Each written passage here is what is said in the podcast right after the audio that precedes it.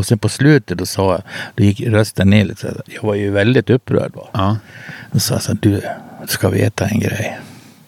Om du är ute och går i Stockholm någon kväll sent ska du passa dig jävligt noga.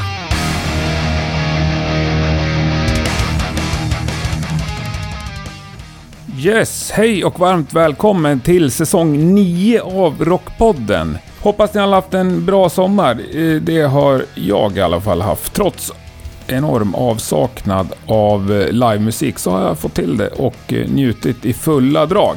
Och det gör också att jag är mer laddad än någonsin inför en ny säsong. Har en hel bunt extremt intressanta gäster inbokade och det ska faktiskt bli hur kul som helst. Så från och med idag kör vi varje torsdag igen. Eh, Grymt kul ska det bli. Grymt kul var det också att spela in det här första avsnittet. Jag hade det extremt stora nöjet att eh, bli hembjuden till Claes Yngström ute i Dalaskogarna.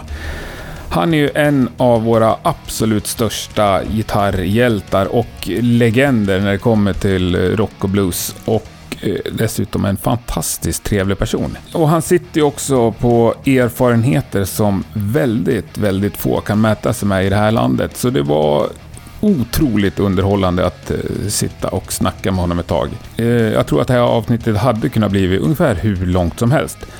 Men det som blev, blev i alla fall och det kommer vi lyssna på nu. Varmt välkommen än en gång till den nionde säsongen och avsnitt 188 av Rockpodden. Claes Yngström är veckans gäst. Jag heter Henke Branneryd och jag önskar dig en god lyssning. Du kanske ska byta plats? Ja, men du, det här ser ju... Yeah! Wow. Ja, det är kanon vet du. Skivhasse, skivhasse. Skivhasse. ja. Nej men fantastisk trevlig plats på jorden. Ja. Ja. Det här är vårat sanctuary, eller vårat nya liv som pensionärer. Jag är ju... Frugan blev precis pensionär efter 40 år i, i statens tjänst i trafik och banverk och sånt där. Och jag eh, är ju på the never-ending tour i och för Man sig. blir aldrig pensionär Nej, riktigt nej, som alltså, jag- musiker. har ju inget att pensionera mig från. Nej, Jag- exakt. Nej. Det är livet, vet du. Hemma hos Claes Yngström sitter jag, ska vi säga det? Japp. På Välkomna. verandan. Ja. Och inleder höstsäsongen med att återigen bli bjuden på en hembakad eh, paj. Den här gången med hallon. Japp. Och hemgjord vaniljsås. Ja. Helt fantastiskt gott. Gott, gott. Ja. Ja, du hade tur som kom precis efter det stora Ja, kräftpartyt. det, var inte, det var inte till mig du hade bakat alltså? Nej. Ja, men det var ju bra. Jag, jag vill ju gärna bjuda på någonting när folk kommer hit. Vet du. Ja, det är trevligt. Det uppskattar jag också. Nej, pensionär blir man inte. Men du har fått uh, varit lite ledig ett halvår eller? Ofrivilligt? Ja, fasiken, det är ju det är lite deppigt. Men det har ju sammanfallit med lite andra grejer. Att frugan blev pensionär och sådär. Och vi flyttade hit. Och det är liksom en hel del att pyssla med. Mm. Så du har inte varit sysslolös? Nej, och sen har jag hållit på, håller jag på och skriver och gör plattor. Och, eh, vi, vi släppte ju en, vi släppte ju en dubbel 40-års eh, samling med lite bildmaterial och lite ny remasterat. Det var Ja, ju, riktigt påkostad Ja, dubbelvinyl. Den är liksom både vinyl, CD och, och filer då. Men, men alltså den låter ju jävligt. Du vet, man har material, det är 20 låtar. Det heter 20 från 40. Man har liksom låtar som är inspelade på ett spann liksom mellan 1980 och eh, 2015. Så det, det låter ju olika. Olika tider har ju olika sound. Ja. Så att jag har ju verkligen lagt mig vinn om att det ska funka ihop. Jag hade hjälp av eh, eh, en god vän, Henke Jonsson i of Audio i Stockholm. Han är, han är grym. Mm. Han har öron liksom stora som, jag vet inte, afrikanska elefanter eller något. Han är grym. Och så, och så har han ju utrustning så att, nej, han, han har hjälpt mig.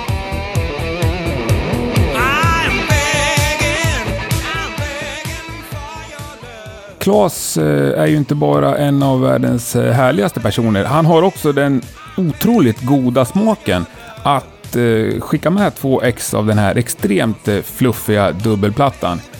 Det är en eh, vinylutgåva och en CD-utgåva som jag tänkte skicka till två av dessa härliga människor som stöttar Rockpodden via Patreon.com. För två dollar i månaden så kan du vara med och stödja Rockpoddens framtid också. Eh, dessutom får jag då ett eh, bonusavsnitt varje månad och eh, lite andra små trevligheter. Det händer faktiskt att jag låter ut lite grejer då och då.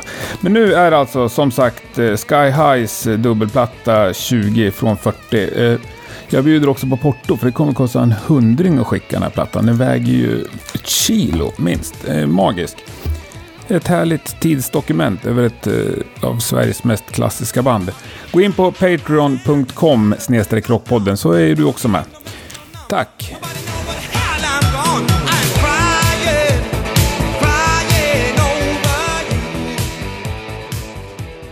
Det är ganska svårt att välja ut 20 låtar från... Ja, det är en, det är en mardröm. Ja.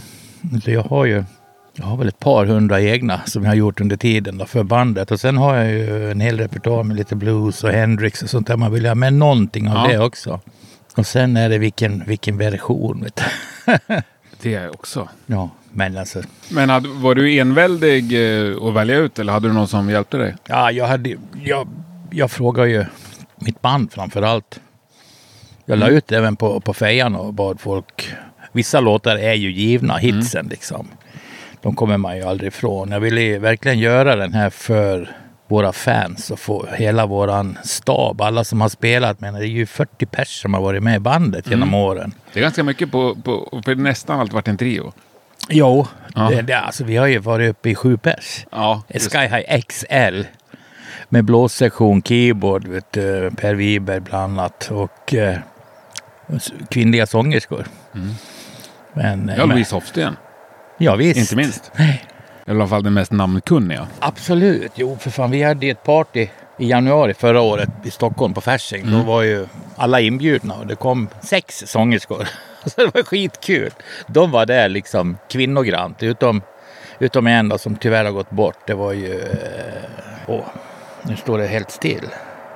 Ja, det kommer. Men, men så alla var där.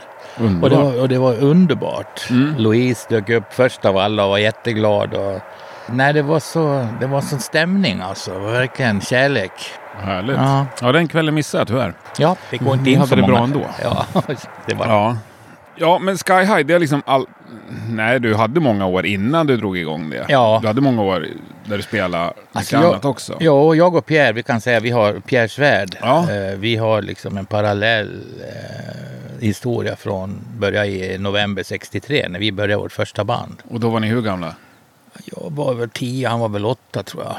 Stenhårt. Då hade vi vårt första gig vet du, Ja. på eh, gymnastik. Pierres mamma var sån gymnastikinstruktör. Va? Mm. Hon var nog bara 26 bast. eller sånt där, Så vi var ju, men vi var, jag kommer ihåg, det där Beatles hade precis varit på tv vet du, första gången. John Lennons sjö.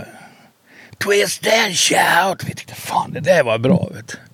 Men jag minns efter det här gigget som var stor succé. Vet. Det var ju vårt första gig Mm. någonsin. Va? Men vi visste ju hur man skulle göra tyckte vi. och, och tjejerna kastade blommor och jagade oss i pausen och Är sådär. det sant? Ja. När ni var 10 och 8? ja. Och sen, Så sen fanns det ingen väg tillbaka? Det var Nej, bara... när, jag, när vi stod på jag har med sånt starkt minne. Det var ganska kallt den där kvällen i början av december. Ja. Jag stod på våran trappa hemma vet och hade fått min, min stora syster och eh, Kickis, eh, våran sångerskas mamma, körde oss i sina små bilar. Vi hade just inga grejer heller. Va? Vi hade radioapparat från Emmaus. Så stod vi där, vi hade burit in att Pierre och jag och Pierre tittade upp i himlen, vi tittade på stjärnorna. och Så. Och Pierre sa så här, fan du, de sa att vi var bättre än The Beatles. Då kändes det, yeah, nu är vi på rätt väg. Grabbar, nu kör vi. Ja, det är underbart. Och sen har ni inte lagt ner någon Nej, av er vi har heller. kört på. Vi är, pre- Ja. vi är, vi är precis lika tokiga här. Men var ni liksom bra? Nej, bra vet du. Jag, så, det finns ju ingen inspelning som tur Nej, är. men jag fattar. Men var ni... Alltså det finns ju så här...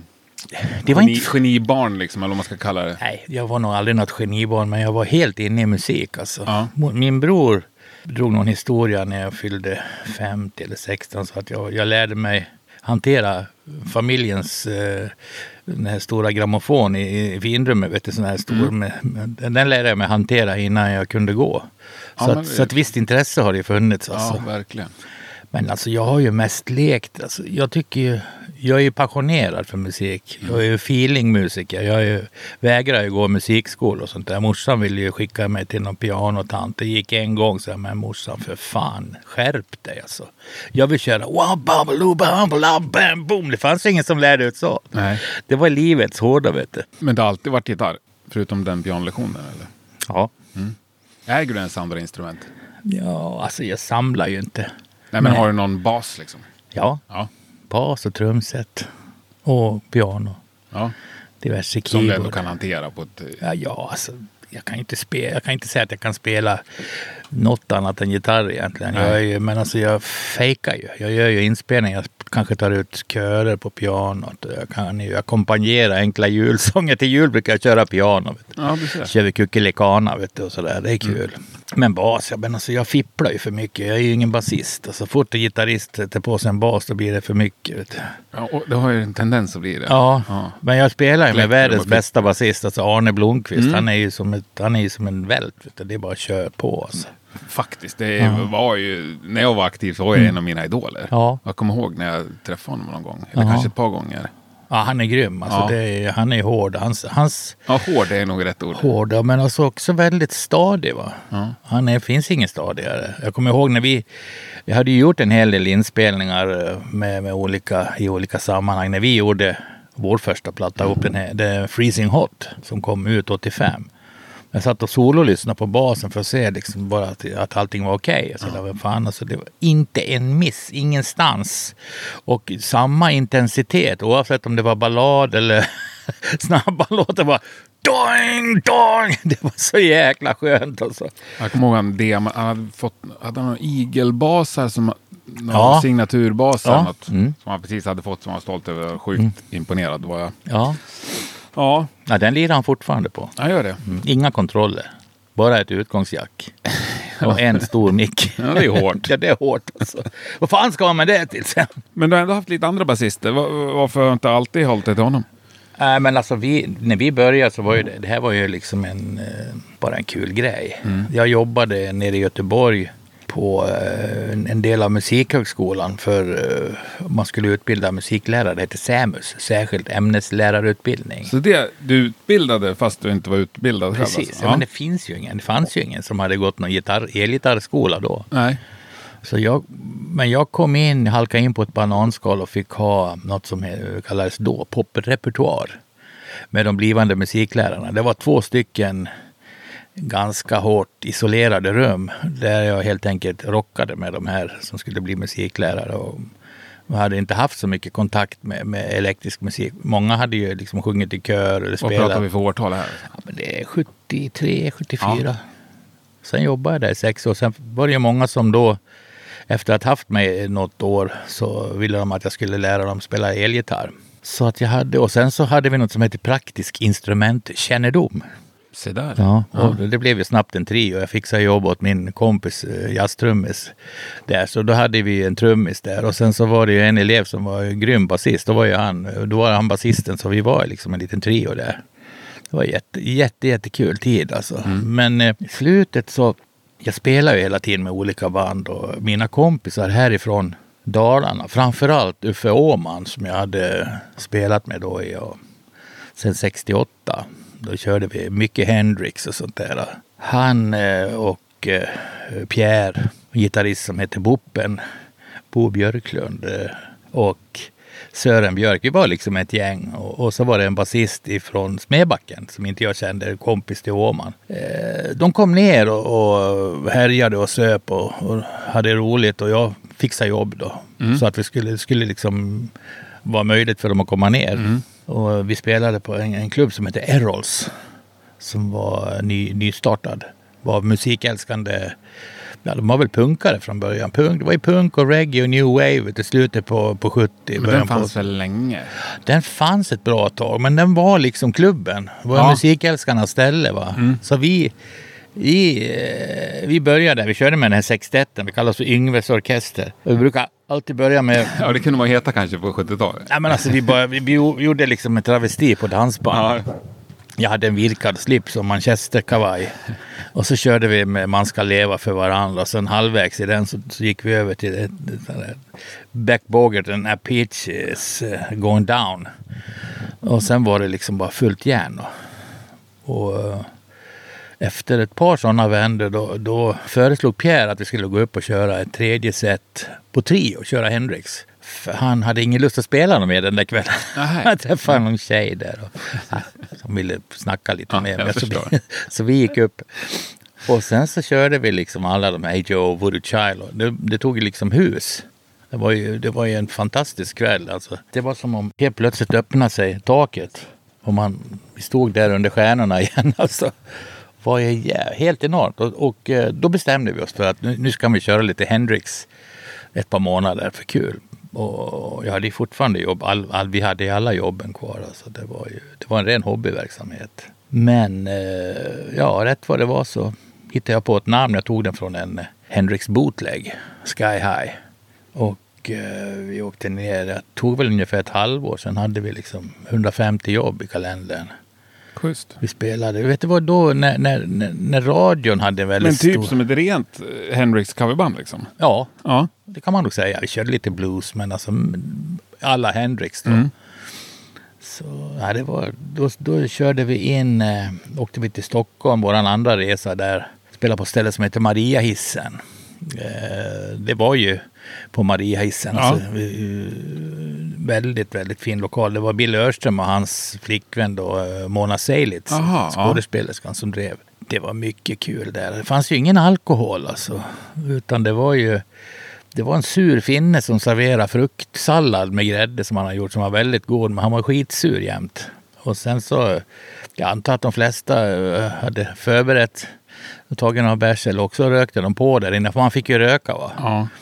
Så att man har ju sett många av dagens artister där på, på den där lilla hyllan. där vi, mitt emot där vi spelade. Men det var, det var en väldigt kul klubb. Det var eh, lite annorlunda. Det kändes som, eh, som om man var i eh, söderut någonstans. Frankrike, Tyskland. Var ett fränt ställe. Ja. Och där gjorde vi ett program för eh, P3s Tonkraft. Det var i P3 Live på den Ja. tiden. Och jag visste inget. Det stod en OB-buss där andra gången vi kom dit. Och Bill sa, fan jag tog hit den och tänkte, fan vi kör nu. Okej, ja. Och jag har ju, spelar ju på en strata med enkelspoliga mickar som, som ger rätt mycket störningar. Va? Du vet den där motorn till, till Mariahissen, elmotorn. ja. Det lät ju som här kamikaze med motorsåg som dök upp så fort jag inte spelade så. Så jag spelar ju oavbrutet. Hela tiden? Ja. Ja, och skönt. folk kom och fan vad du lirar gitarr. Och så Jävlar anamma. Och Vi hade ju så mycket jobb alltså. Gympan är tillbaks. Men höll du kvar det sen då och spela hela tiden? Liksom? Nej, fan. nej. Nej, men alltså, det var ju det var ett litet lyckokast. Mm. För helt plötsligt så ringde, ringde telefon liksom oavbrutet hemma. Alltså. Så att eh, sen jobbade vi häcken av oss i två år. Sen så bestämde vi att fan, vi skiter i det. Vi satsar på heltid. Men då släppte ni inga plattor och sådär under den här tiden? Nej, alltså vi hade ingen ambition att släppa någon platta. Jag Nej. tyckte liksom, Hendrix är ju Hendrix, det finns ju skivor. Det blir aldrig bättre. Nej. Så varför skulle vi, varför skulle vi göra en Hendrix-platta? Det var ju helt idiotiskt. Och Ja, jag och ni hade- spelar inget eget liksom? Nej, men när vi, när vi bestämde oss för att satsa, då skrev jag ihop nio texter, tio texter, tio låtar. Vi snodde en, en vi körde I don't live today, Jag är död idag. Och så gjorde vi den här, vet du, den här första plattan. Det, Ja, du har ju en stack Ja. med vinyler här. Det Ja. gillar förberett. så att eh, det här, vi gjorde ju allting, konvolut och allting och, och bilder tog kompisar. Och, Det här är ju fruktansvärt snyggt omslag. Ja, visst är det. Ja. Nu är det här dålig radio, men det, man ser ju en halv Fender och en trummis som Ja, det är Åman. Vet du. nästan ser ut som Bonham. Den där kallades för den röda skivan och det är, det är faktiskt ganska många som, som kommer till mig och säger du är det bästa ni har gjort. Eh, jag vet att Expressen skrev då pinsamt pretentiösa texter till hiskelig Jimi Hendrix musik. Om Jimmy hade hört det här skulle han vrida sig i sin grav. Hur många getingar var det? En? Jag ringde upp. Han som har skrivit ja. Och tvingade honom att sjunga någonting och så utdömde honom som totalt omusikalisk. Och sen på slutet. Men då bjöd han på det? Sjöng han något? Eller Ja, liksom? ja. Mm. Är det sant? Ja, ja. Och sen på slutet då sa jag, då gick rösten ner lite. så. Jag var ju väldigt upprörd. Va? Ja. Då sa jag så här, du ska veta en grej. Om du är ute och går i Stockholm någon kväll sent ska du passa dig jävligt noga. Jag Jävla på. gangsterfason. Ja, men alltså vad fan. Måste ju försvara, måste försvara sig. Ja, absolut. Det här är då pinsamt pretentiösa- pretentiösa texterna. Vet du, det, det, är, ju- det är ju proggigt och jag är ju, jag är ju liksom fortfarande lite hippie och, och kommunist och sådär. Men alltså det, Dalarna kör vi ju fortfarande. Regnbågsbarn vill alltid folk höra. Och eh, Vakna alla zombies också en populär titel. Jo, jo, men vi måste fastna lite. Det är ändå ganska stenhårt att ringa upp Expressens recensent och typ hota. Ja, ja, men alltså vad fan. Jag var ju väldigt upprörd alltså. Ja, men han gick inte vidare med det. Nej, Nej. det är inte vad jag... Nej, han, han, han garvar väl. Han skrattar väl. Han, han, eh, Och du vet- stött aldrig på honom i något senare tillfälle? Nej, jag har aldrig sett honom. Men eh, jag kommer inte ens ihåg vad han heter. Han kanske eh, sa upp sig och la ner. Ja, han kanske gjorde. Jag började gråta när jag talade om för honom att de var totalt börjar det vara omusikaliska. Länsstyrelsen eller något. Men sen har jag ju... Jag har ju lärt mig att ta recensioner. Alltså jag, faktum är att jag tycker det var, det var svårare att ta positiv kritik än, än negativ alltså i början. Förklara. Ja men alltså när vi hade spelat då kom ju folk ofta fram alldeles uppfyllda liksom av musik och sa det här är det bästa, det här är det bästa jag någonsin har hört. Va? Och jag tänkte så vilken idiot. Så jag sa ju inget men jag var ju liksom inte glad. Jag tyckte bara det var ganska mediokert och sådär. Men jag fick ju lära mig att, att verkligen uppskatta, att folk uppskattar det. Ja. Och då ringde ett citat från Albert King i min skalle helt plötsligt. För att jag hade träffat honom eh, ungefär i samma tid. Gjort en intervju för en svensk tidning och han sa jag frågade liksom, vad gillar du själv? Vad gillar du att spela? Well, you know, I like to please the people. Because the people pleases me. Och det ligger rätt mycket i det. Alltså jag vill ju... Det, det, jag, jag, jag var ju inte någon förtjust i dansbandmusik. Men de sa ju att vi är, vi är folk det de vill ha. Och så jag tog det som att man, man kan spela vad skit som helst och sen så bara liksom säga att ja, folk gillar det här. Så att folk gillar skit med andra ord. Men alltså, jag måste säga att jag, just det här med att folk, när folk kommer fram och är jätteglada och tackar för det, då, då tar jag verkligen åt mig. Då. Jag tycker det är jättekul. Jag ser det som en... Eh, Ja, det är ju ett privilegium att kunna hålla på med något sånt här som gör folk glada. Ja, verkligen. Jag vill ju att folk ska må bra. Och jag vill, vi själva gör ju det. Så att vi tar med dem på våran lilla tripp så är det toppen. Alltså. Nej, det är väl helt underbart att kunna bjuda folk Ja. på det. Sen tänkte jag med det du sa att du tyckte de var idioter som tyckte det var det bästa de har hört. Ja, Det är väl också någon form av så här, empati att kunna sätta sig in i. Jag menar, du har sett allt. Du har sett tusentals gig och Mm. mycket att jämföra med. Vissa har inte så stora referensramar. Liksom. nej men och sen... Och där och då, man har druckit någon bärs och stämningen är på topp. Då kan det kännas som det bästa man någonsin har sett. Ja. Det är jag med om ofta. Ja, jo, så är det ju. Jag menar, men, men, men jag var väl inte så jävla mogen då. Jag var nej, väl nej. i 25 nej, det var inte meningen att skriva det på näsan så. Men... Nej, nej, nej, men, nej, men jag, jag är med. Jag är med. Men alltså du vet, eh, det är ju, kan ju vara svårt att ta. Det kan ju vara svårt liksom.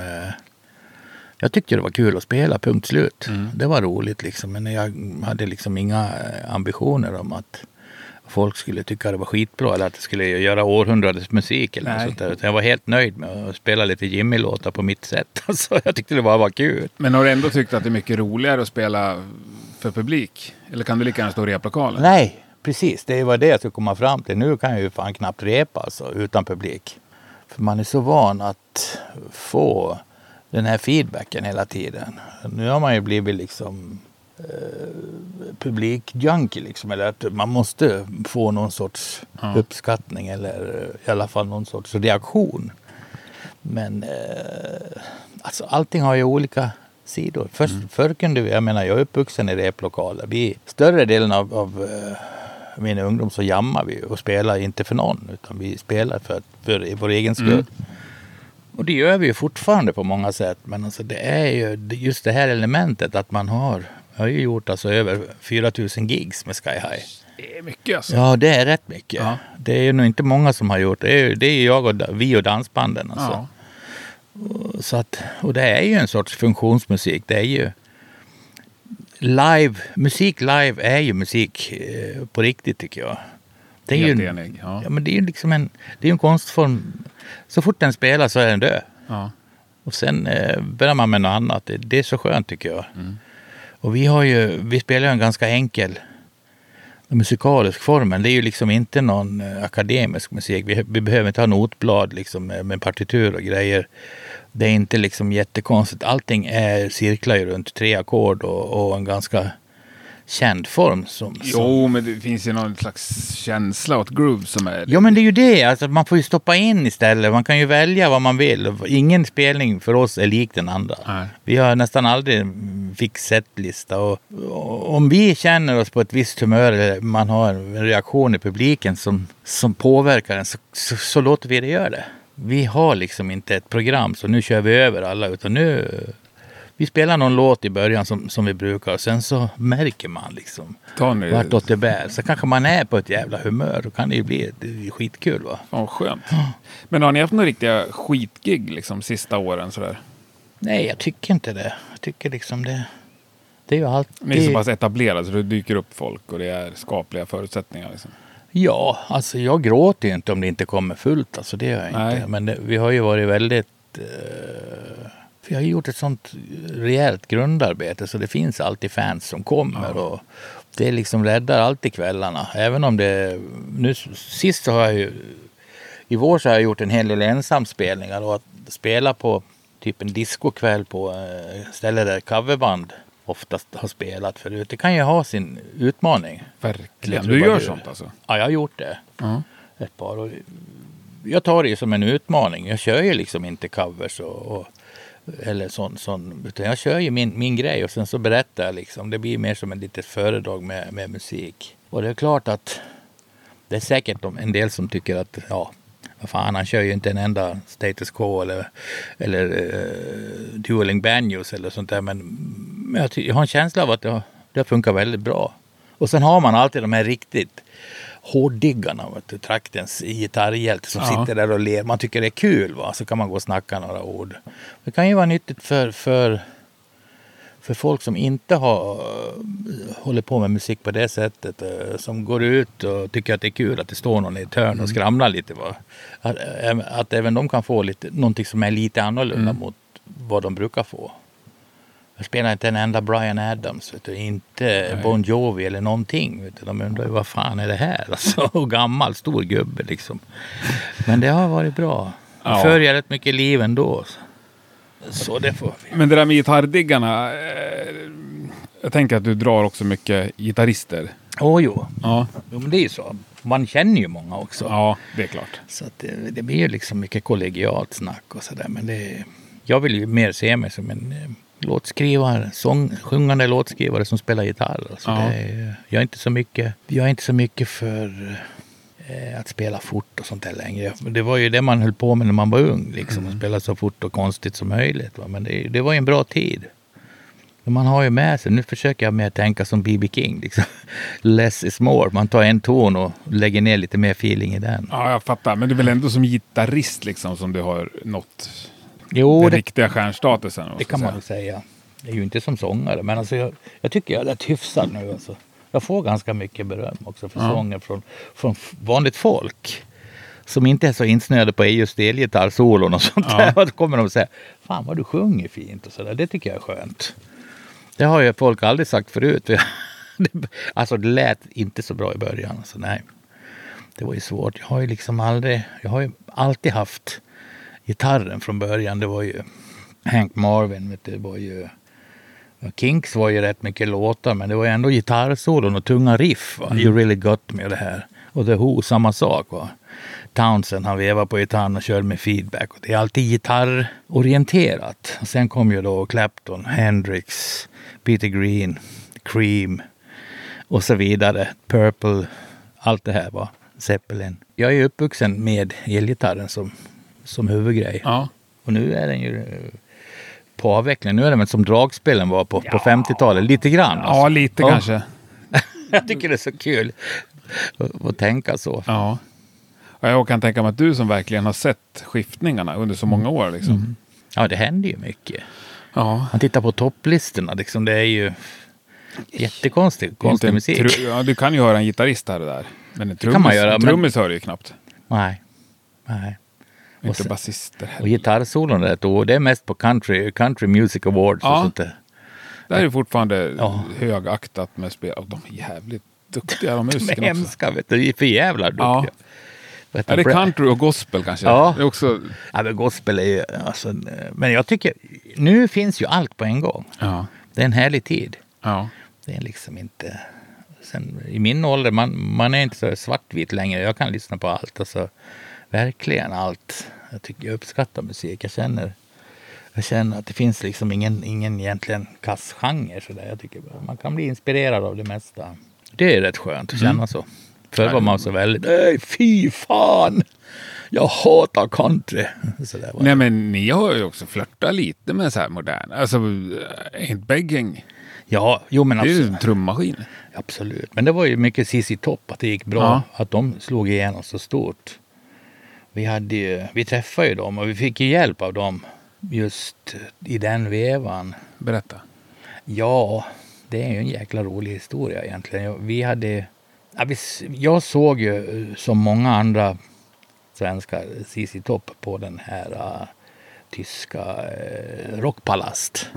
När de körde en. Men jag, såg, jag somnade, jag vaknade till extra Men jag såg den ju sen för jag hade haft videon på att spela in det. Det var en väldig inspiration tycker jag. Det var ju kul därför att det påminner... Fortfarande otroligt bra måste jag säga, Rockpalast. Ja men det är ju... De my- kör live-grejer hela Ja. tiden. De sänder nu under pandemin kör de gamla... Gamla så filmer, ja. Sjukt, ja, Ja, det är sjukt mycket bra grejer. Man har ju sett, jag såg ju det mesta. Alltså det var ju... Ja. Och, eh, men i alla fall, eh, jag hade ju hört dem lite tidigare. Jag hade elever från Texas, gitarrelever. Som, de kom till mig så drog de fram sin den här äh, stereo och tryckte i CC Top och tände en joint och sen var det full party så länge de orkade. Va? Men eh, vi hade ju aldrig sett dem live, inte ens på film eller sådär. Men här var ju då 82 när vi precis hade släppt vår andra platta, Still Rockin' hette den. Och vi hade ju en engelsk producent. Vi, var lite, vi tyckte det började bli lite big time. Vi var i London och mixade med eh, Ashley Howe som precis hade gjort klart eh, en platta med Uriah Heep. Så vi, vi kände oss, fy fan Nu nu, jävlar. vet med bland de stora fiskarna? Nu släpper det vet Ja. du. Och så fick vi gig i Norge. Vet du. Det var också lite stort. Vi skulle spela på Chateau Neuf, en student, stor studentamfiteater med plats för 1500. Och vi hade den stora eh, ja, motsvarande Emma Telstar som, som arrangerade hela. Det var ju Ja, det blev ju ingen större succé. Jag tror det kom 75 pers. Och Aj. brandkåren kom för vi, vi körde lite bomber. Vi körde i Purple Haze och kom det rök. Vet du, brandkåren var jävligt sura på oss. Alltså. Vi fick pröjsa 2 500 tror jag. Men, men eh, arrangören diggade oss som fan och, och sa ni måste vara kvar. Vi, eh, ni ska inte deppa för det här nu. Ni har inte släppt någon platta eller någonting. Liksom. Så, Ja visst, men ni kan väl vara kvar för ikväll kommer en grupp från Texas, CC Top. Nej vad kul, vad fan vad roligt. Så att vi hängde kvar där och vi satt på hotellet där och drack en och annan öl på dagen. Så kommer det in en snubbe med sån här riktigt jävla jultomteskägg som farsan brukar ha. Vet du. I någon trenchcoat och briller och hatt. Vet du, så. Jag tog ju tag i skägget. Jag var väl inte helt nykter alltså, och drog till. Va? Tänkte, fan lägg av, ta av det där. Liksom. Det ser för jävligt ut. Det var ju hans skägg. Det var ju Gibbons vet du, från CC Top. Och det där kunde jag gått hur som helst. Vet du. Men vi blev ju superkompisar då. Och så vi gick ju på deras konsert. Det var ju, jag tror det var deras eh, sämst säljande album. De låg verkligen på gränsen för att få kicken då. Från deras skivbolag. Den hette El Loco. Jag tycker det var en jävla bra skiva. Hela, hela liksom scenen var att de hade, det var knarksmugglare som hade störtat någonstans i mexikanska öknen. De hade gamla skitiga overaller på sig. Men det var en väldigt kul platta för den hade rätt mycket nytänk. Gibbons är, är ju den som är liksom motorn kan man säga. Han är ju väldigt nyfiken och, och de hade en låt som heter Groovy Little Hippie Pad. Och, eh, bland annat som vi tog upp sen. Men, men eh, okej, tillbaks till den där kvällen. Eh, innan vi skilde så gav jag Gibbons och Dusty våra skivor, den här röda. Och den blå, det fanns ju inte CD då, vet du. det här var alltså 82. Och sen skildes vi och sa att vad fan, vi, vi får se om vi ses, liksom kolla in det här. Och sen tänkte jag inte så mycket på det. Sen några kvällar senare ringde telefonen. Hey, it's Billy. Okay, hello. So, how you doing? Well, there's some great guitar playing on those records, man. Då hade han och Dusty varit inne i en radioaffär, vet du, de var så nyfikna. Det tyckte jag var Shit, kul. vad kul, Så ja. hade de spelare där och så hade de stått där och diggat. Så sa Billy att ja, jag ska lämna det till eh, Bill Ham, våran producent. Så kanske han, ja, det delas, de var ju liksom knutna, hade ju deal med honom. Så kanske han ja, kunde göra någonting med oss. Och det där ledde till att vi eh, fick en riktigt fin sån här rockvideo. Säkert skulle ha kostat en halv miljon att göra. Det var ju gjord på film och det var ju ett helt team från Danmarks dansk tonefilm. kom en hel buss och sen var det producent, skripta och handkameraman, proffs från England. De hade precis gjort ACDC eh, Fly on the Wall i Brooklyn. Underbart. Så att vi var ju, vi var ju på G då. Ja. Och eh, vi tyckte ju själva det alltså. men det var en jävla bra... Ja, men det var ni också då. Den där gick ju vet du, jag vet inte hur många gånger på MTV och på Music Box. Och då blev, man kan säga att det var vårt genombrott. Mm. Och det var en, den här låten I ain't begging. Och vi hade ju Det är den då- videon du kör med guldgitarren. Ja, precis. Den har ju alla sett. Va? Mm. Så att, eh, och det är ju fortfarande den låt som folk vill höra. Så det är ju, vi, vi är ju liksom ett blues, bluesrockband. Men det där är väl en av våra kanske allra största låtar. Då. Sen gjorde, så det var kul och vi har haft kontakt genom åren. Vi träffa Gibbons. Vi har en gemensam eh, musikadvokat i, i Houston. En gammal basist för övrigt. Som heter Al Haley. Han spelar med gruppen Spirit. Och eh, han är ju nu pensionär och kör sin egen grej. Men så jag kom ju in i hela den här Mm. sfären i Texas. Han var ju även eh, företrädare för Stevie Ray Vaughan och eh, T-Birds och de här. En bra advokat, låter det som. Ja, han är, han är ju mer en, en basist och en Mm. Ja, men det är kompis. bra sammanhang att Jo, figurera i. Ja. men, han, men han, alltså, han gjorde ju som farsan ville. Han var ju äldsta, äldsta grabben så han utbildade sig Mm. på University of Texas och fick sin examen. Så han, eh, han var ju attorney at law. Och sen har ju han hjälpt oss rätt mycket i staterna. Vi har ju varit, jag tror kanske 10-11 svängar. Eh, Jag har ju inte blivit signad av något stort bolag. Men det har varit ganska nära ett par gånger. Och, sista gången så blev jag erbjuden att, att, flytta över. Det var ju i... Ja, måste ha varit. Det var när Rockis och Möttis vi spelar. Gävle-killarna. ja. Början på 90 där, slutet på 80, början på 90. Då ville de att jag skulle komma över och vara där minst ett halvår. Och så att jag skulle förbinda mig till att turnera i USA. Men Ja. jag hade ingen lust. Jag ville inte. Jag hade ju familj här och bra spelningar och så vidare. Jag, jag tyckte nog... Jag, lite rädd också för amerikanska samhället. Det var liksom inte min grej. Jag, jag, eh, jag tyckte vi klarade oss så bra här. ja. Jag hade liksom ingen anledning att rycka upp barnen med rötterna. Eller jag ville absolut inte vara ifrån dem så länge heller. Och, eller, och min fru. Då, så att jag sa nej, helt enkelt. Och ingenting, något- ingenting jag ångrar det Nej, minsta. Men det är ett beslut som du har tänkt på flera gånger eller? Nej, Nej. Eh, då var det ju rätt stora funderingar. Men sen hade vi ju en, en till vända med, med det har ju varit sådana här eh, på G att det ska bli eh, roliga, extra roliga grejer. När vi hade gjort den här Freezing Hot så köpte ju Gibbons en, en egen sån här amerikansk eller australiensisk musikdator, Fairlight. Så de fortsatte att göra sin experimentella bluesrock. De gjorde en platta som hette Afterburner. Som också, den kom nog 85 eller något sånt där. Och Då ville ju CC Tops eh, bolag och mitt danska bolag och jag att vi skulle göra en, en produktion ihop. Mm. Som skulle spelas in i Memphis då med Gibbons. Men då var pengarna slut för, för mitt danska bolag. Va? Så det blev inget. Tyvärr. Det hade varit kul. Men vi gjorde ju den där plattan i, eh, i Amager och det blev, ju, det blev nog vår störst säljande eh, album. Men, men den, eh, det, var, det, det är Den ingenting. vita. Nej, Nej, vad heter den då? den heter Den Hu- Humanizer.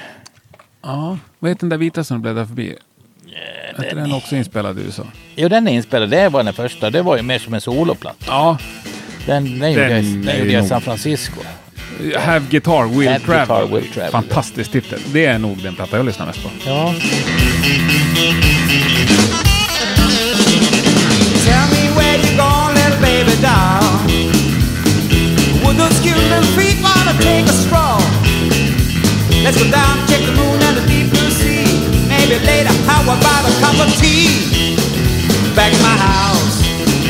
You might not know it, but honey, I like your style. The way you wear that dress, baby, you drive me wild. Come on, give me a break. You know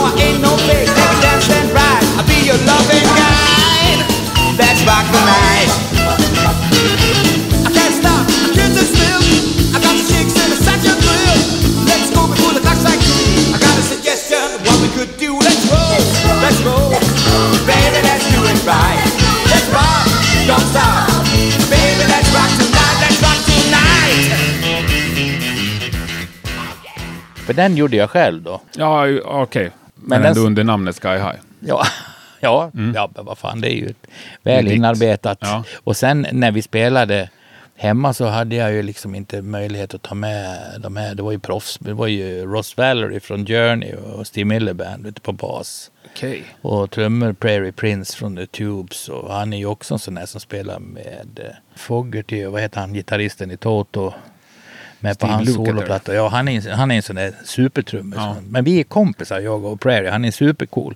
Han är konstnär också. Så vi är ju verkligen, vi är superbundis. Så var Norton Buffalo med på, på munspel. Från Steve Miller Band.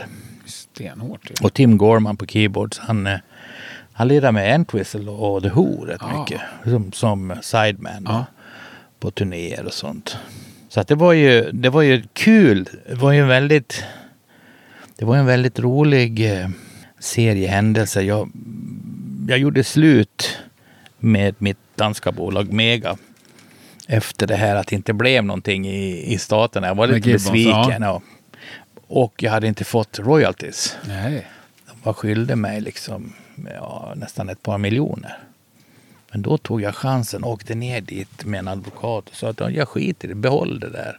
Jag behöver det. För jag, jag, jag såg liksom att det hade gått för fort för dem. De hade haft några, de hade haft en grupp som heter Modern Talking. Tysk discogrupp. Tyvärr vet jag mycket väl vilka det är. Och pengarna tog slut. Vet du. Det rasade ju stålar. Ja. Men det rasade lika fort ut antar jag. Så jag sa, ge mig mitt material. Ge mig de här två plattorna och eh, allt. Eh, film och rättigheter och allt sånt. Va? Så är det liksom, är det even Steven. Så, det, så gjorde de. Och så, då lånade jag pengar i banken, Handelsbanken i Borlänge. Vet. Och sen eh, åkte jag över för att jag hade, jag hade träffat Prairie och, och resten av grabbarna i The Tubes på Fryshuset. De var där och gjorde en konsert, det måste vara 87, 88. Ja, 88 var det nog, på våren. Så gick det ganska fort att jag var över där. Först åkte jag över och kollade, testa studion. Det var ju skitkul alltså. Vi är ju uppvuxna med England och Amerika som förebilder, Ja. band därifrån. Så man kan, kanske inte haft så stort självförtroende. Våra platt, svenska plattor lät ju inte så kul alltså. Eh, på 60 och Nej. 70-talet. Det var liksom, vad fan helt plötsligt så, vad fan är det här? Man tyckte liksom de här amerikanska plattorna man lyssnade på Zappa och, och man hade ju många man lyssnade på. Allting var ju en helt annat sound. va. Så det var kul att komma dit och sen den här känslan i San Francisco är ju väldigt kollegial. Folk har, det är väl en gammal hippiestad helt enkelt. Det finns alla de här musikerna som jag träffade, när de var unga så drog de ju till San Francisco för det var en fristad för lite mer, du vet Am- Am- Amerika är ju ganska konservativt. Men där var det lite mer eh, free sex och Ja, röka på och liksom Ja. peace och love och sånt där. Så det, det, de har kvar lite av den där känslan. va. Så att det var en väldigt kul tid för mig. Och jag hade ju genom min eh, musikadvokat och fixa en, en producent som jag trodde skulle kunna göra det så att ja, auktorisera plattan på sätt och Ja. vis. Han, han hette Andy Johns, lillebror till eh, Glenn Johns. Och eh, han jobbar ju väldigt hårt. Han kom över med Roddan och de här eh, någon gång tidigt 70-tal. Han jobbar ju med Stones, eh, den här plattan Exile. Som de spelade in i Frankrike och han jobbar med, med Jeff Beck. Han jobbar med Bonzo, han jobbar med Zeppelin. Han gjorde Bonzos trumljud, alltså spelade in. Ja, det är skapligt. Så det var ju, och så dessutom var han ju när han var eh, riktigt ung, då, då fick han uppdraget att cykla och hämta Dave Masons stålsträngade gitarr när Hendrix skulle spela in All along the Watchtower. Så det var ju lite tungt. Ja, Alltså. liksom historiebärare. Ja. Så jag träffade ju honom, för han var ju också klient till eh, Al, min advokat. Jag träffade honom i, i Philadelphia. Han hade precis gjort en ny platta, men vad fan hette den där gruppen? De hade gjort sin andra Platinum-platta. Ja, det var ett hårdrockband. Gitarristen eh, var stor gitarrsamlare. I alla fall, vi träffas på en sån här eh, köpcentrum och vi snackade musik. Och han sa, han hade fått demos. Han sa, fan det var så jävla roligt att höra sånt där gitarrspel. Jag har inte liksom upplevt det på tio år. Det, det är liksom mina rötter också. Så att, alltså, jag, jag förklarar vad jag ville göra. Jag ville göra en platta en, en, som är som, en, som ett liveset fast lite producerat, lite schysst. Som, typ som Van Halens första. Alltså sådana riktigt bra, bra låtar. Och, och, och, han var helt med på noterna. Vi började snacka förstärkare och sånt där. Va? Gick igenom hela, hela uppsättningen så att allting var klart. Där. Jag fick honom till reducerat pris också. Schysst. Så eh, vi kom dit då, något halvår senare till San Francisco. Det var ju Halloween på gång och jag var hemma med Prairie och festa och käka oliver och, sån, och sen började vi repa. Jag skulle repa några dagar så skulle Andy komma upp flygande. Han var ju nere i LA, han bodde där. Han är ju borta idag tyvärr. Men han kom. Han kom en dag sent och han var inte i bästa form. Alltså han var, det var Midnight Cowboy. Vet. Först när han kom, han har cowboyhatten på sned. Så, äh, fan, nu, det, här måste vi, det här måste vi fira. Nu tar vi oss en liten beverage här. Okej. Okay. Och eh, så kom vi till studion. Så, här, kan du spela lite för att höra? Alltså, ah, fy fan, det låter för jävligt. Alltså, vad fan är det för jävla studio? alltså, det är Todd som har satt upp, Todd Rundgren som har satt upp det. Så det kan inte vara totalt värdelöst. De har ju spelat in XTCs nya eh, platta, Sea. Och så, ja, värsta skit jag har hört. Och vad är det för jävla... Han var liksom så totalt negativ. Va? Så, så, så ja, men fan, kan ni fixa fem gram blå nu så får vi få liksom börja jobba. Ja, vi fixar ju det. Fast jag hade lärt dem att koka kaffe. Det är mycket bättre och billigare. Ja. Ja, visst. Och, eh, nästa dag dök han inte upp. Och då, jag kände bara, fan har jag... Fan, säger jag. Så jag var väldigt... Jag menar, jag hade ju liksom ansvar för det här. va. Jag, jag tänkte ju på familjen och Handelsbanken och så. här. Jag tänkte, jag skiter i det, jag åker hem. Spar det som är kvar och sen så betalar jag in det, får jag väl jobba av det liksom. Så jag förklarade för grabbarna så, så här, du, den här snubben, alltså, jag tänker sparka honom imorgon. Jag, jag kan inte lita på en snubbe som eh, är så pass nere. Och, för han var ju, det var ju någon kris. Alltså, jag, vet inte, jag tror han hade IRS efter sig. Skattemyndigheten. Det var något som, jag menar det var ju som en, det var en helt annan grej. Va? Så jag sa det när han kom nästa morgon, du, tyvärr alltså, du får kicken, du kan åka hem. Jag kan inte, jag kan inte jobba med dig. Han blev skitsur, men han drog. Och sen sa jag till grabbarna, alltså Prairie och Ross, vi hade ju repa som fan. Och Alla var ju liksom supertända. Va? Prairie var extra glad när Andy skulle komma med, med sina gamla U47-mickar, sätta upp precis som Bonzo. va. Så att det var ju verkligen lite, ja det var bluesigt. Men jag sa, fan jag, jag kan nog inte fortsätta det här. Jag måste nog åka hem, för nu har jag liksom inget alibi heller. Alltså. Jag är ledsen, jag får komma tillbaks. Det, nej men vad fan, sa de. Det är klart du ska göra Du behöver väl ingen jävla producent, du vet ju precis vad du vill göra. Så de övertalade mig att vara kvar. Så det blev ju en platta och den Som ni producerade själva eller du gjorde? Ja. ja.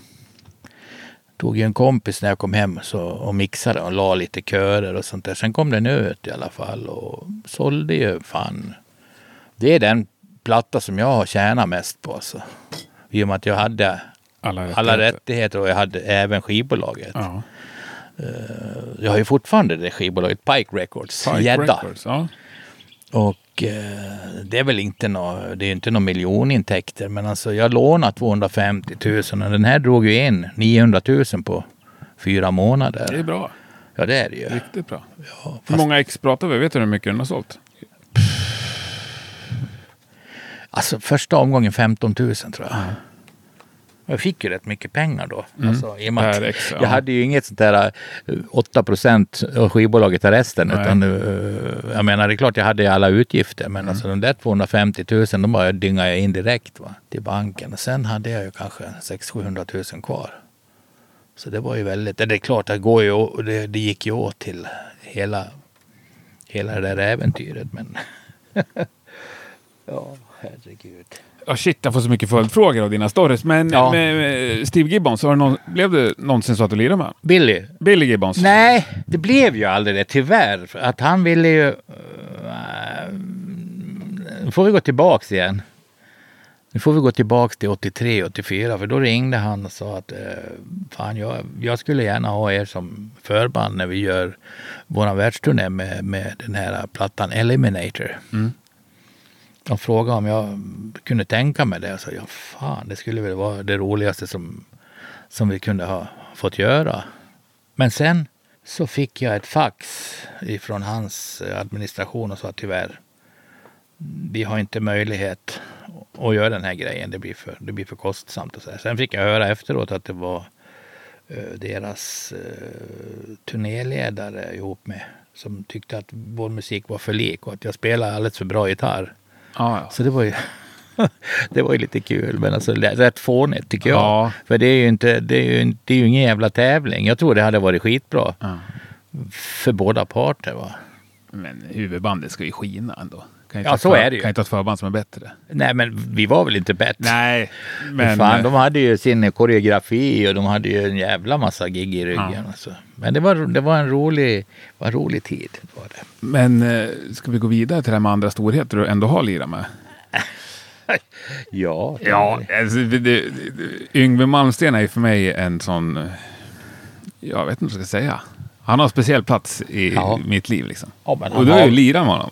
Ja, det har jag gjort. Han har väl en speciell plats i vår nutida musikhistoria också. Ja, det har han. Han, han var ju väldigt... Eh, jag har ju en bild när han är och diggar oss på, på Glädjehuset 81.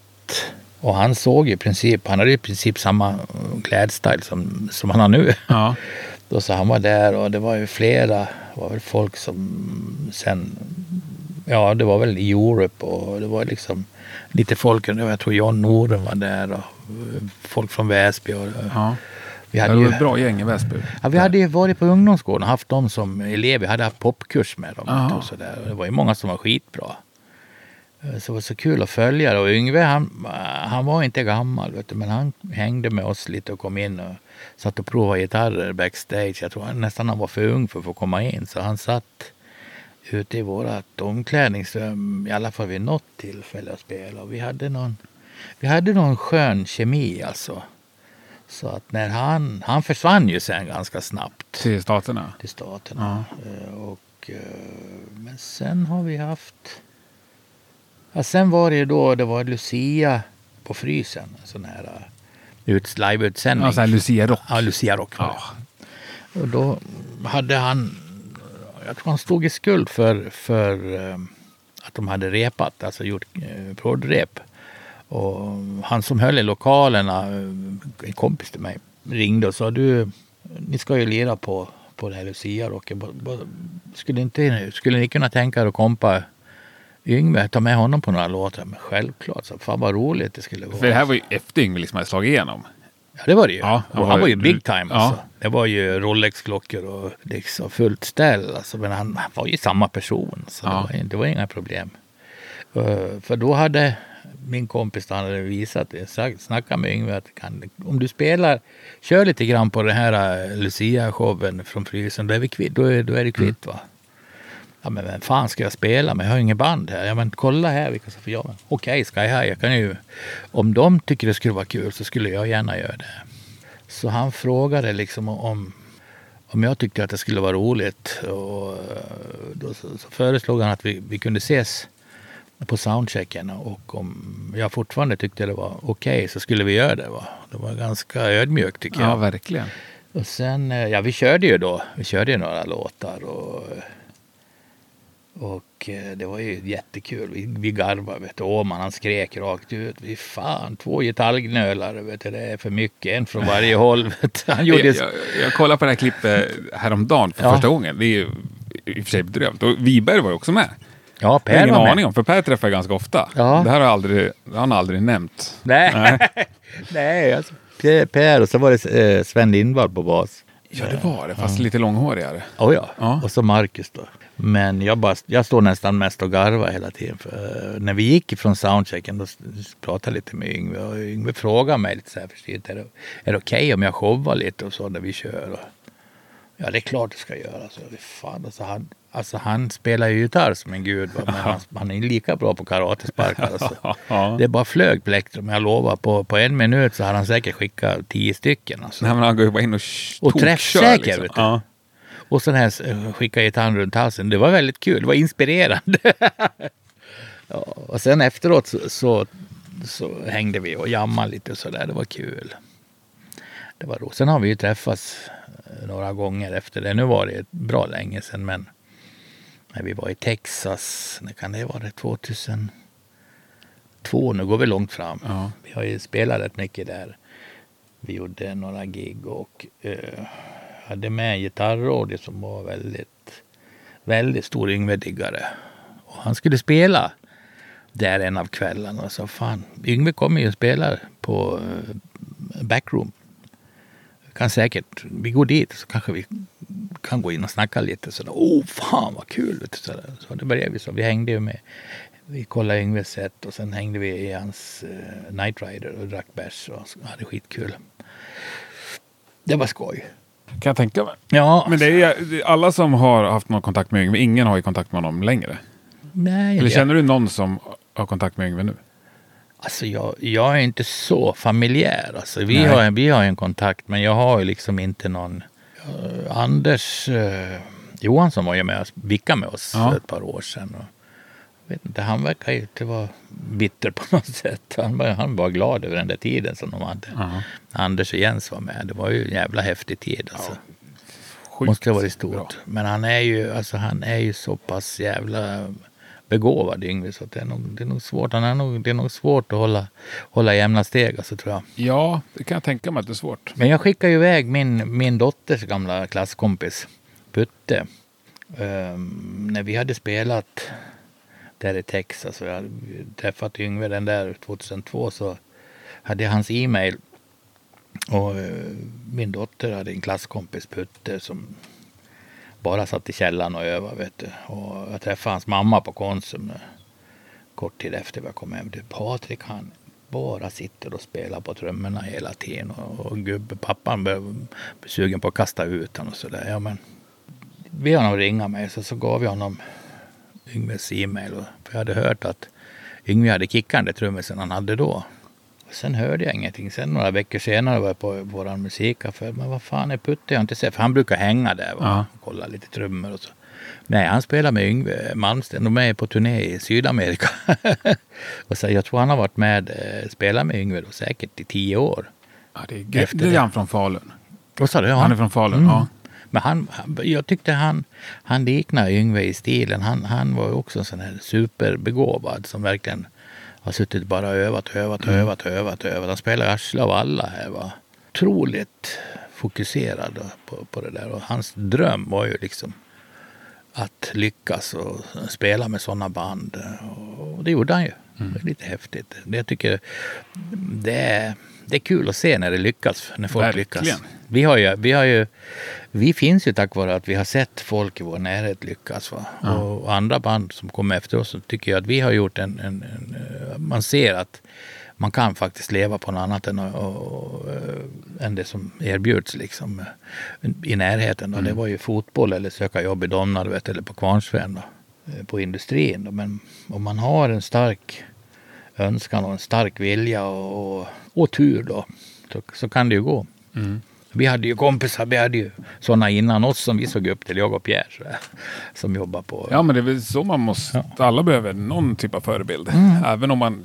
Och att se, och tro att det är möjligt liksom att komma ur det här jävelskapet. Yngve och Hendrix hade liksom massa förebilder.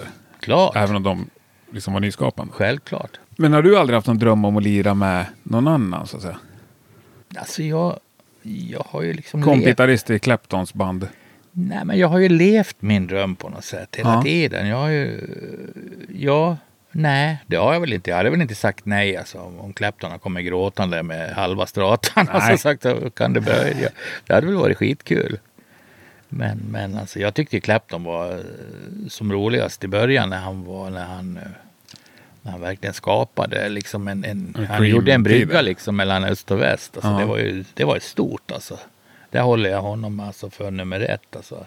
Till och med Hendrix hade ju sagt åt eh, eh, Chas Chandler som ett villkor för att följa med till England att han lovade att han skulle få träffa Clapton. Alltså det är ganska häftigt. Ja, verkligen. Sen att han eh, åkte dit och spelade cirklar runt Clapton, det var, det var ju en annan sak. Kul att höra sådana stories. Men de var ju kompisar. De var ju, var Hendrix beundrade Clapton. Det kan man ju förstå. Det är ju ganska länge sedan. Jag tror de som är unga och gitarrister idag som kanske mm, deras historieräkning kanske börjar med Van Halen. Det är ändå liksom 12 år efter Clapton. Men om man ser på Van Halen så vad nämner han i i alla intervjuer som, som inspiration? Ja, det är ju Clapton alltså. Väldigt mycket. Alltså det, det finns ju. Gitarr är ju ett eh, är ju mitt, min tids instrument. Men det finns ju många. Jag är ju med i sådana gitarrnätverk på sociala medier. Man ser ju liksom att folk brinner ju verkligen. Verkligen. Ja. Men hur mycket brinner du för själva gitarren? Själva Ja, substantivet liksom? Den är en del av mig alltså. Jag Jag tänk- såg bara häromdagen på Facebook, la upp efter, vad du nu skrev, 62 års väntan har fått min drömgitarr. Ja. ja, men det är ju sånt där som man drömde. Det var ju då jag började liksom, när jag såg The Shadows. Men det är ju, det är ju en dröm också. Men jag vet inte. Sen när man har förverkligat drömmen så är det ju inte så, så märkvärdigt längre. Jag har ju gjort det många gånger, men den där var ju precis exakt som den där första som jag såg när jag var sju, sju år. Va? Det blev, den, den blev en symbol för mitt kommande liv som jag hade tänkt. Va? Ja. Jag bestämde mig då att jag ska lira sådär. Alltså. På en sån gitarr förmodligen. Och så slöt du cirkeln nu. Eh, Ja, alltså, jag har ju... Ja, i detalj alltså. Ja. Men, eh, eller hur många gitarrer har du med sig jag funderar? Jag kanske har 25. Ja, men det är skapligt. Ja. Ja, men det är mycket sådana som har halkat på mig genom åren. Jag har ju fått av folk och jag, jag är intresserad. Folk bygger och kommer med egna konstruktioner. Jag har såna här prototyper. Jag, jag är ingen samlare. Utan jag... eh, Det Du, har bara... du har sålt många gitarrer också? Åh ja. åren. ja. Åh fan ja.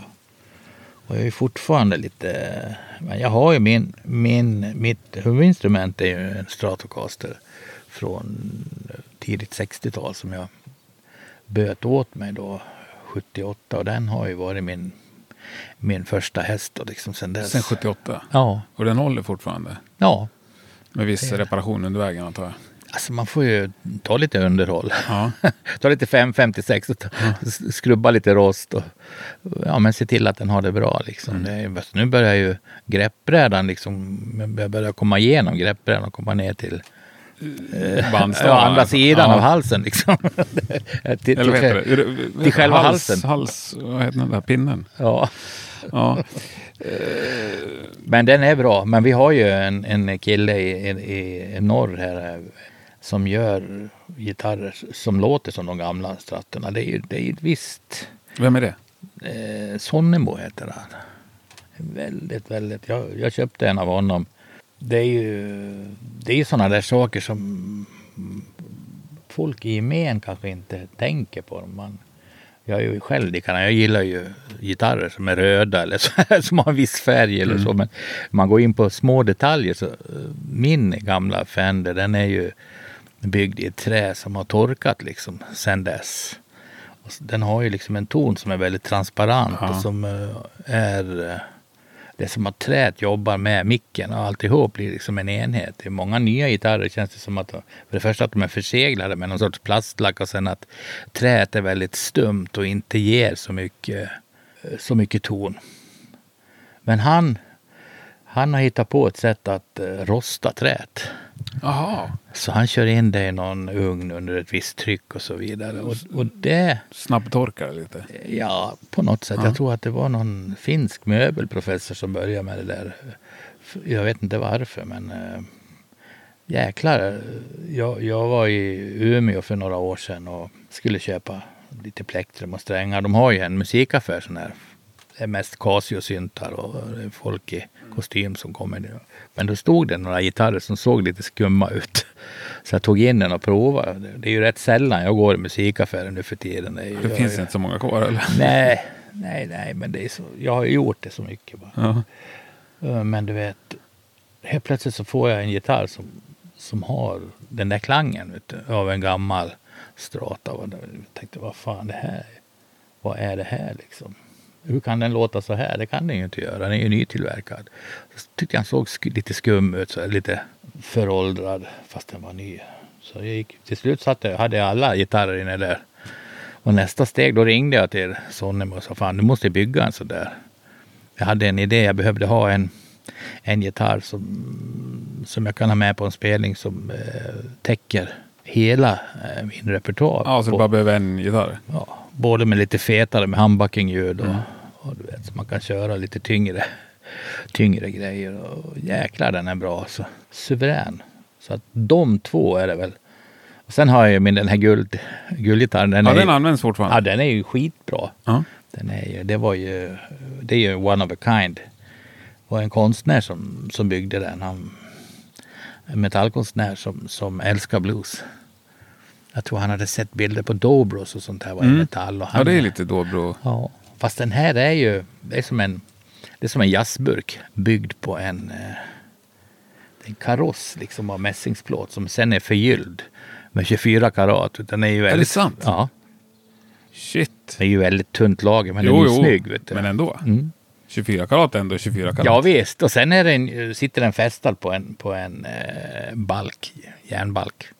Sen är det Hagström-hals och sådär lite fina grejer. Ja, underbart. Och där hänger en Hagström t-shirt på Ja. tvättlinan också. Ja, men du vet, jag har ju varit lite engagerad. Vi, Länsmuseet eh, beslöt sig för att starta. Det var ju chefen där, Jan Reile, som, som eh, själv var hobbymusiker sedan tidigt 60-tal, som tog tag i det. Det är ju en fantastisk historia.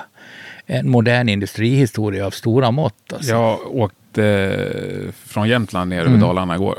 Då, så- Älvdalen, men det var 11 mil, så det blir 22 mils omväg. Jag, Mm. så, su- jag har aldrig varit på museet där. Nej, men du, du kan gå in på Dalarnas. Man kan det? Vi, det är en jättefin... Vi, I Falun? Ja, Ja. vi gjorde en insamling då för att köpa en stor samling av en kille i Östersund som hade, hade väl 90 olika Mm. objekt. Va? Och eh, det finns nu en, en, en utställning där inne som är väldigt bra tycker jag. Väldigt bra uppbyggd från förklara bakgrunden och hela historien. Det är en fantastisk historia. Ja, jag har förstått det. Jag, jag lärde ju känna Karl-Erik den äldre.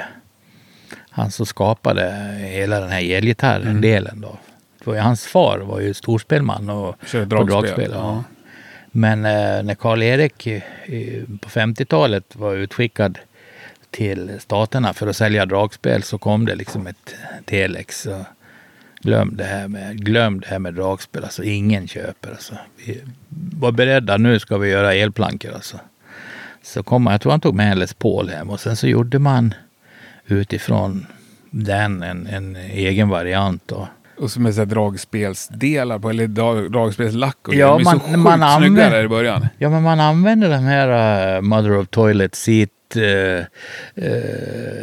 arken vet du, som, som låg i- tinner. Vet du. Det måste ha varit, alltså, det måste ha varit mycket hjärnskador där. Det måste ha varit tufft alltså. Jaha. Alltså men de är ju så jäkla snygga. Ja, och de, de, de började 58 och sålde säkert tre, över 300 000 gitarrer över hela världen. Det var ju ett stort märke. Zappa spelade ju på en och Elvis. Elvis ja. och eh, Larry Coryell. Ja, det är underbart. Och jag, jag, så jag var med och drog in pengar på den där insamlingen. Och eh, det där tröjorna var en av de grejerna som såldes. Som, som, som Nu har de väl fått en liten revival. Ja, Sen görs de inte i Älvdalen längre, men nej. Nej, Karl-Erik den äldre. de är har- jäkligt snygga fortfarande Alltså, tycker jag, de, de nya modellerna. de är jättebra alltså. Och det, de har ju samma specifikationer. Eh, Karl-Erik han, han kallade in sin, sin gitarrtrust. Vet du. Det var väl, undrar om det var Jojje, jag var där, Schaffer var nog där. Och så fick vi känna på de här prototyperna till de som skulle tillverkas i Asien. Jaha. Och så fick vi fylla i ett stort dokument, alltså det var säkert A1 va, med massor med, med frågor som Karl-Erik hade ställt upp. Han var en väldigt eh, snillrik man. Ja. Och han var ju väldigt mån om att Hagströms eh, namn eh, inte skulle dras ner i någon, någon avgrund. Utan att eh, om man köpte en gitarr ifrån Asien så skulle liksom, det var i princip samma Ja. att man skulle hålla på det. Det är en annan skala. Va? Ska, skallängden är mellan Fender och Gibson. Mickarna har en annan eh, antal varv. Alltså att ha en egen, har ett helt eget sound.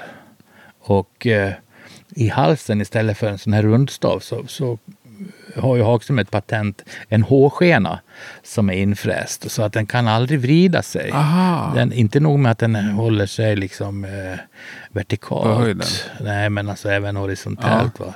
Så att eh, man kan ju då göra extremt tunna halsar. Ja. Jag har aldrig sett en krokig Hagström alls. Och det där har man ju haft ända sedan början. Va?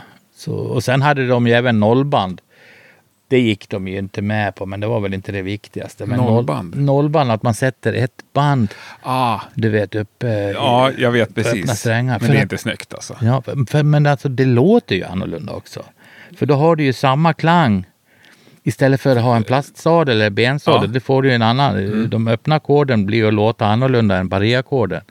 Därför att du har en mä- mässing eller... Ja, jag förstår problemet. Ja. Men det är snarare så att jag vill ha lös eh, strängsljudet på alla toner. Ja, ja. Ja. Men jo, men det var ju, det var ju eh, några av grejerna då. Och, så att det var väldigt...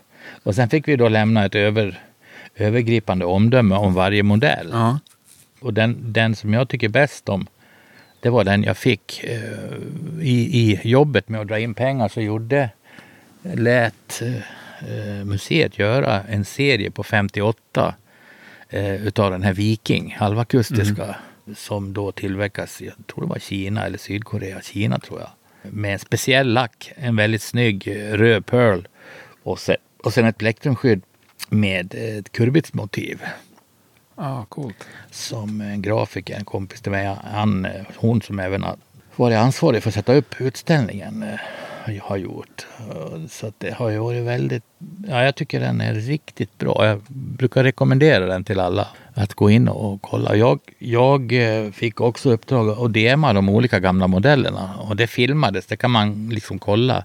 Ah. Kent, eh, Coronado och alla de här klassiska. Så sitter jag och lirar en trudelutt och berättar om, Ja. om det. Det finns även på, det finns även på Youtube. Ja, jag tror att det blir en tur till museet. Alltså. Så man gör det för att det där eh, det är givande. Ta dig lite tid och läs och kolla. Det, allting är så det är, det är makalöst. Alltså vi, en sån liten plats va.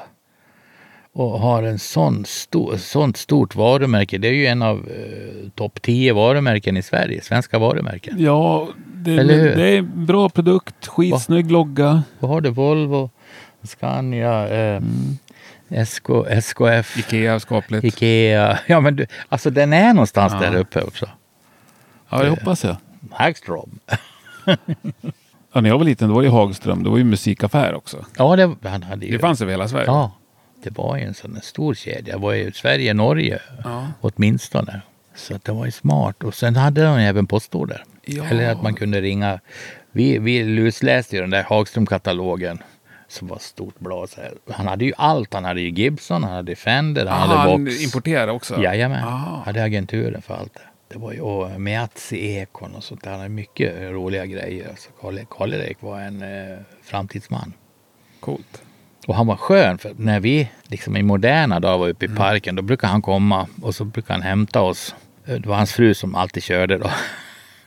så fick vi åka upp och sen var det, fick vi dricka bärs. Då fick vi ta antingen en Hagström eh, krus eller en Fender, Fenderglas fick man välja. Och sen så var det ju då quiz. Då gick han in i sovrummet så körde han olika jazzlåtar så skulle vi gissa solister eller vem som har skrivit. Det var en väldigt, han var liksom, han var lekfull liksom. Ja, ända, ända till slut. Jäkla skön typ. Men du, Miazza-ekon och sådär. Mm. Alltså alla gitarrister jag har träffat håller fortfarande på något sätt och letar efter det perfekta soundet. Mm. Men inte riktigt, riktigt färdiga. Nej, Är du färdig med ditt sound? för länge sedan. Du provar aldrig en ny diskpedal? Eller en Nej, fass eller något?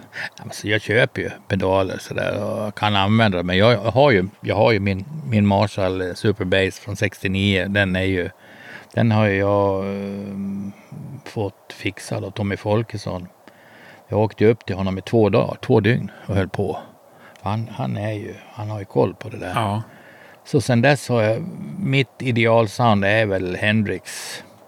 Och jag har ju precis det soundet. Alltså. Och Och sen, och det är en, för så säger också många gitarrister. Nu har jag hittat det och sen så ett halvår senare eller en. Nej, månad men jag har ju, senare. det finns ju flera. Jag har ju en Fender också. Ja. En 66ans Fender med, med Hammond reverb. Jag behöver inte ha något mer. Nej. Vi skulle kunna ha en Vox AC30 också.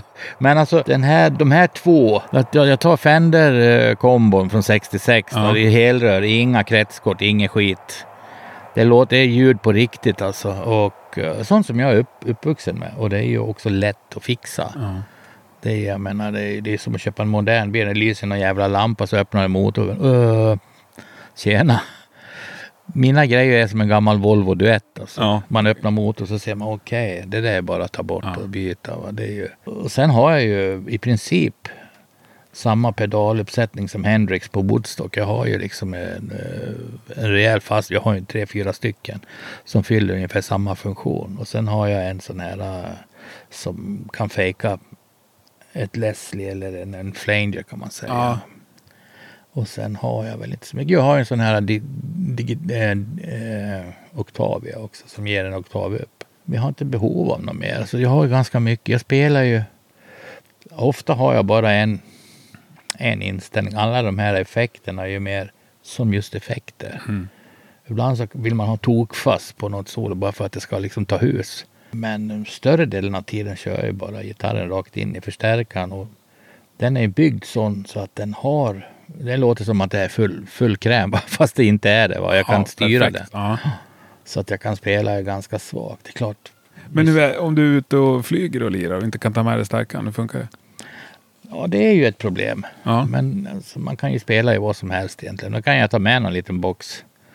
Någon liten schysst. Men alltså de flesta låter ju för jävligt egentligen. Eh, Jag brukar ju köra med den här gamla Fuzzfacen för den är kul. Alltså den kan Den man... röda runda? Ja. ja. Och nu har jag fått dem servade. Det finns en snubbe i New York som gör i ordning dem till. Han är, han är professor på dem alltså.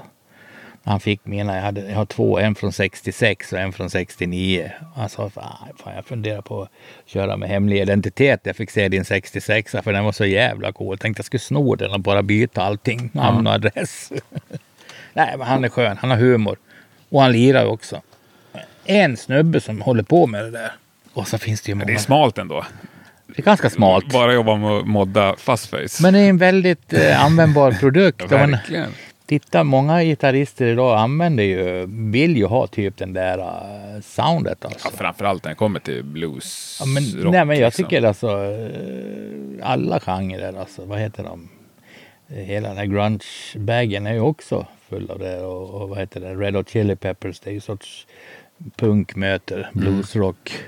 Ro, vad heter han? Frusciante, han kör ju mycket där också. Och, Jävligt bra gitarrist också. Ja, mycket bra. Och lika han, eh, vad heter de, ett LA-band.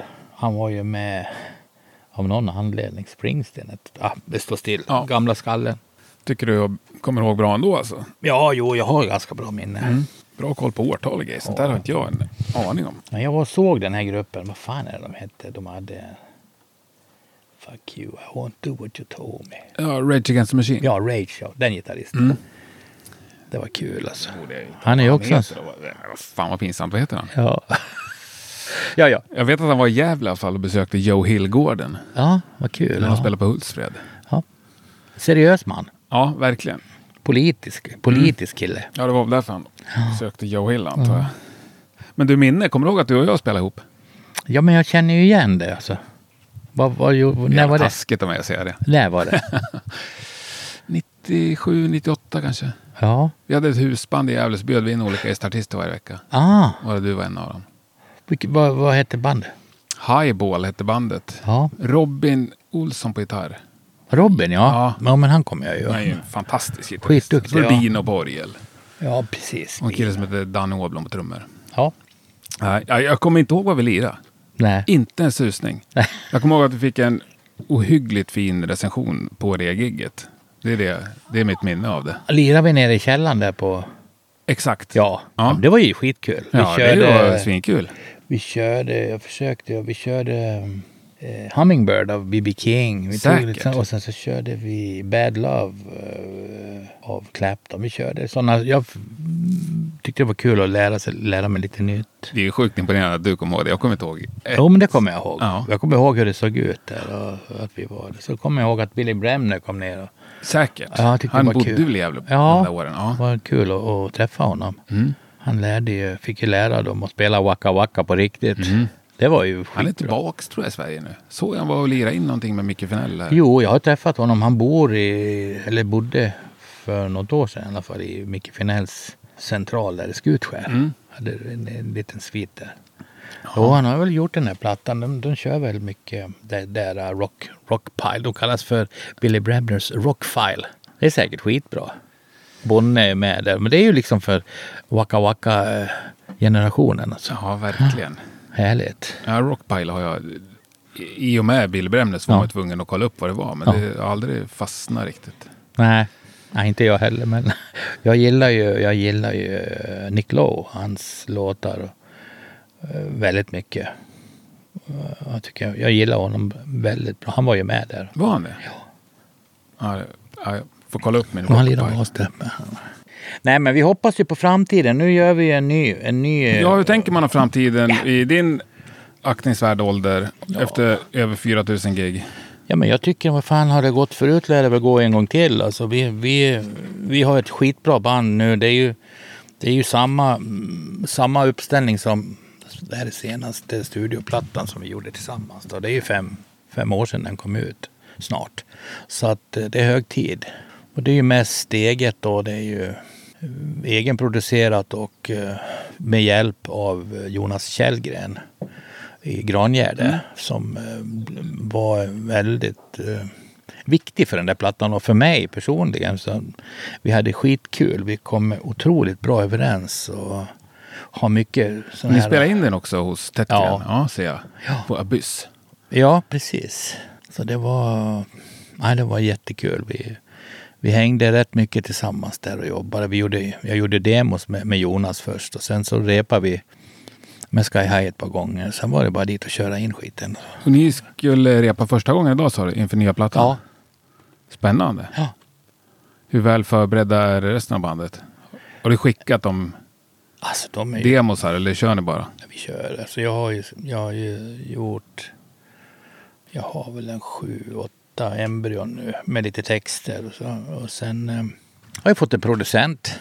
Så det ska bli kul. Vem är det?